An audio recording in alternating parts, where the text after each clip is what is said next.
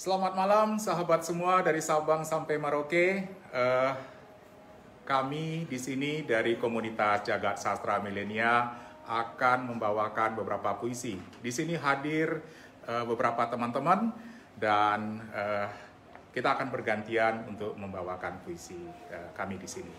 Uh, selamat menikmati.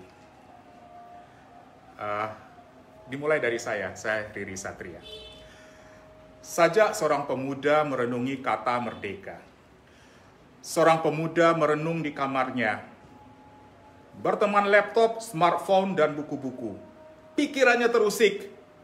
Katanya, negeriku telah merdeka. Benar, katanya tahun 1945, namanya Republik Indonesia. Negeriku berdaulat. Ah, yang benar. Masa iya? Sungguh aku sanksi pada angka dan wacana, daulat ekonomi, daulat pangan, daulat energi, daulat pendidikan, daulat hukum, daulat sosial, daulat budaya, daulat teknologi, apalagi daulat rakyat. Kesenjangan ekonomi menghantui, indeks gini ternyata tinggi, semua penuh dengan deviasi. Kita tak sepenuhnya berkuasa atas sumber energi di tanah air sendiri, Konon ada yang bilang hukum berjarak dengan keadilan. Rakyat itu objek pembangunan atau subjek pembangunan. Jangan-jangan korban pembangunan. 15 tahun yang lalu ada seorang pengemis tua di tepi sebuah jalan di gedung mewah di Jalan Protokol Jakarta. Dia terlupakan dari gemerlap dunia. Dia terbuang dari hiruk pikuk tawa. Resesi ekonomi membunuh hidupnya. Dia menyerah kepada nasib, semangat hidupnya mati tak tersisa dunia terlalu kejam. Persoalan ekonomi hadirkan banyak pengemis baru yang menjadi tua di pinggir jalan, bahkan hari esok pun tak terbayang. Beban hidup hari ini sudah terlalu berat.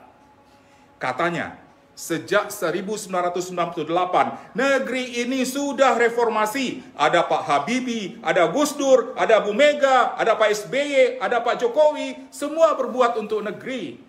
Tapi banyak tikus berdasi, membuat KPK sibuk tak henti, membuat kesejahteraan seolah mimpi, jauh panggang dari hapi.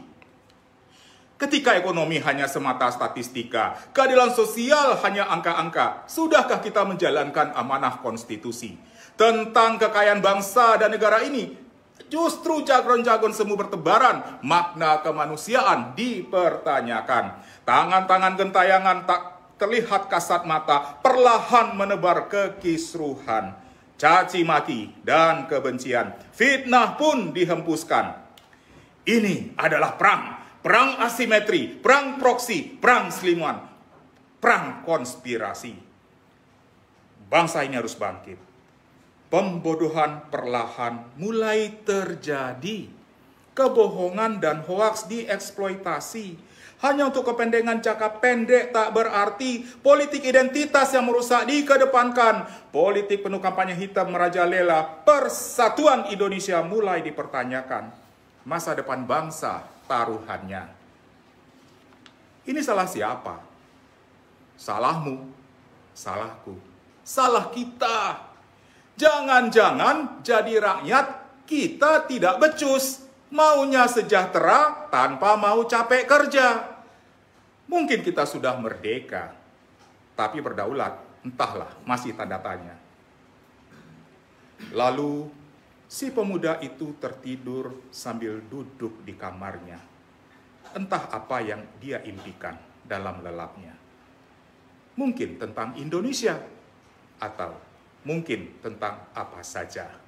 Jakarta, 28 Oktober 2020. Terima kasih, saya Riri Satria dari